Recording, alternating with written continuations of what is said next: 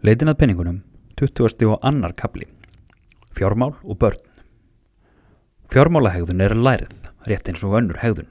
Þess vegna skiptir miklu máli að við séum góðar fyrirmyndir fyrir börnin okkar og kennum þeim hvernig eigi að haga sér í fjármálum.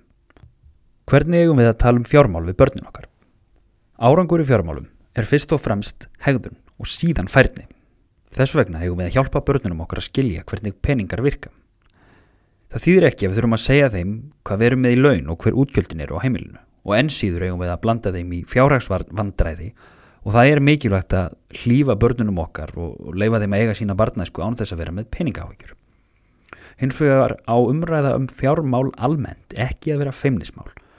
Það er mikilvægt að ræða fjármál opinskátt á heimilinu svo að börnin læri að skilja og átta sig á hvernig peningar og fjármál virka. Með kortum og snjálfsímagreðslum þá verðum við sífælt fjarlægari í raunverulegum peningum. Þess vegna skiptir enn meira máli að við fræðum börnin okkar og lefum þeim að átta sig á þeim tilfinningum sem peningar geta vakið innra með okkur. Fjármál og tilfinningar. Börn skinja heiminn oft út frá því hvernig foreldrar þeirra skinja heiminn og bregðast við honum. Ef foreldrar spennast upp þegar það talað um peninga eða komast í uppnám þegar börnin byggja um hluti þá skinja börnina og það er líklegt að þau taki þessar tilfinningarlegu tengingar með sér á fullónisárin. Peningar valda mörgum okkar kvíða á vanlíðan og þess vegna forðumstu ofta að tala um þá.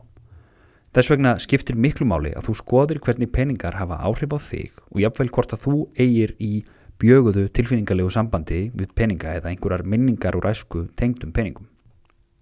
Sum okkar hafa til dæmis sterkað þörf fyrir að eigða strax öllu því sem ratar inn á bankareikningin.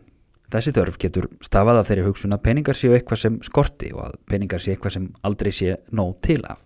Þess vegna sé best að bara eigða þeim strax og kaupa eitthvað sem veitir allavega smá gleði, svona fyrstum sinn.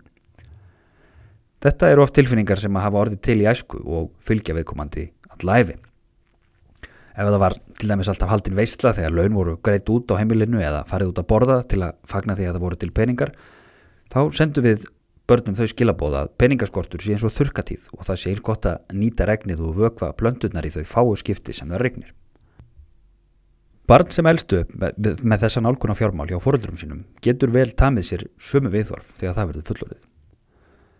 En slæm fjármálahægðun er þó síður eins og bundin við skort á peningum.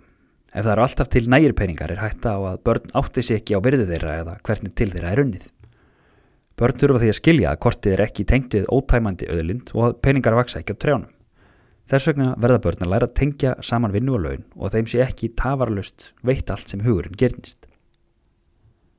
Að stjórna peningum Það er mikilvægt að börn fái tækifæri til að stjórna peningum. Ef barnið vil til dæmis nýjan síma þá skaldu spyrja það hvernig það ætlar að vinna fyrir símanum. Það er þannig mikilvægt að við gætum þess að dekara ekki börnin okkar ef barn fær nýtt leikfang alltaf þegar það byður um það, þá erum við að styrkja það í að tilenga sér hugsanarlaus kaup og láta undan skyndi hugtættum. Við slíkar aðstæður þegar börn byðja um eitthvað, þegar verið er til dæmis að kaupa í matin, þá er gott að ræða bara í róliheitum hver af tilgangurinn með búðarferðinni. Plani var bara að kaupa kvöldmat og næsti fyrir skólan, en ekki að kaupa leikfang. Við sem foreldrar viljum, eðlilega, gefa börnunum okkar það sem þau óska sér. Það er bara fullkomlega eðlilegt og ef við ólumst upp við kröppkjör og skort þá er enn skiljanleira að við ætlum að tryggja að börnin okkar upplifi sko ekki það sama og við. Staðan er hins vegar oft svo að ef barnið fær allt sem það vil og það sem hugurinn gerðnist þá fer það út í lífið með þær væntingar að það geti og eigi skilið að fá samstöndis allt sem hugurinn gerðnist. Þess vegna er í góðu lægi að segja barninu þínu að þú hafi bara ekki efni á ákveðum hluti að, að það þurfi að spara fyrir tilteknum hlutum áður en að það sé hægt að kaupa þá. Þarfir og langanir. Það er grundvallarmunur á löngunum og þörfum.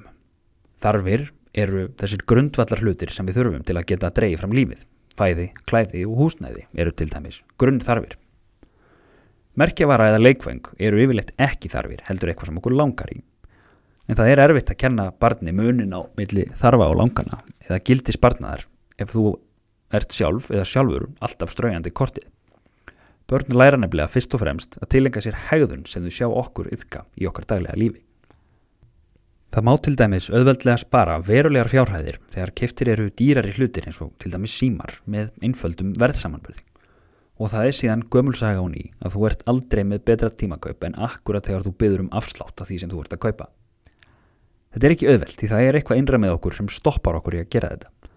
En með því að sína börnunum okkar að það býtið enginn þegar þú reynir að lækka verðið á því sem þú ert að kaupa, þá gefum við þeim örlítið forskot út í lífið. Sparað fyrir því sem er ekki í bóði í dag. Það getur verið takmarkandi að nálgast alltaf fjármálinn okkar út frá því að við höfum ekki efni á hlutunum í stað þess að pæla í því hvernig við getum eignast það.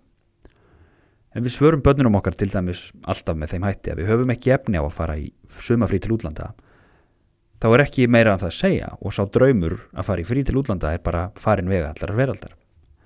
En ef við hins vegar nálgumst þetta frí og útgjöldin sem því fylgja eins og áskorun, þar sem við skoðum aðra leiðir til að safna fyrir fríinu, með því til dæmis að sleppa skyndibita og leggja fyrir smátt og smátt, þá erum við strax farin að sína börnunum okkar að fjármál eru síbreytileg og ekki meitluð í stein og skynsamar ákvarðanar í dag geta skapað minningar sem endast manni æfina á enda.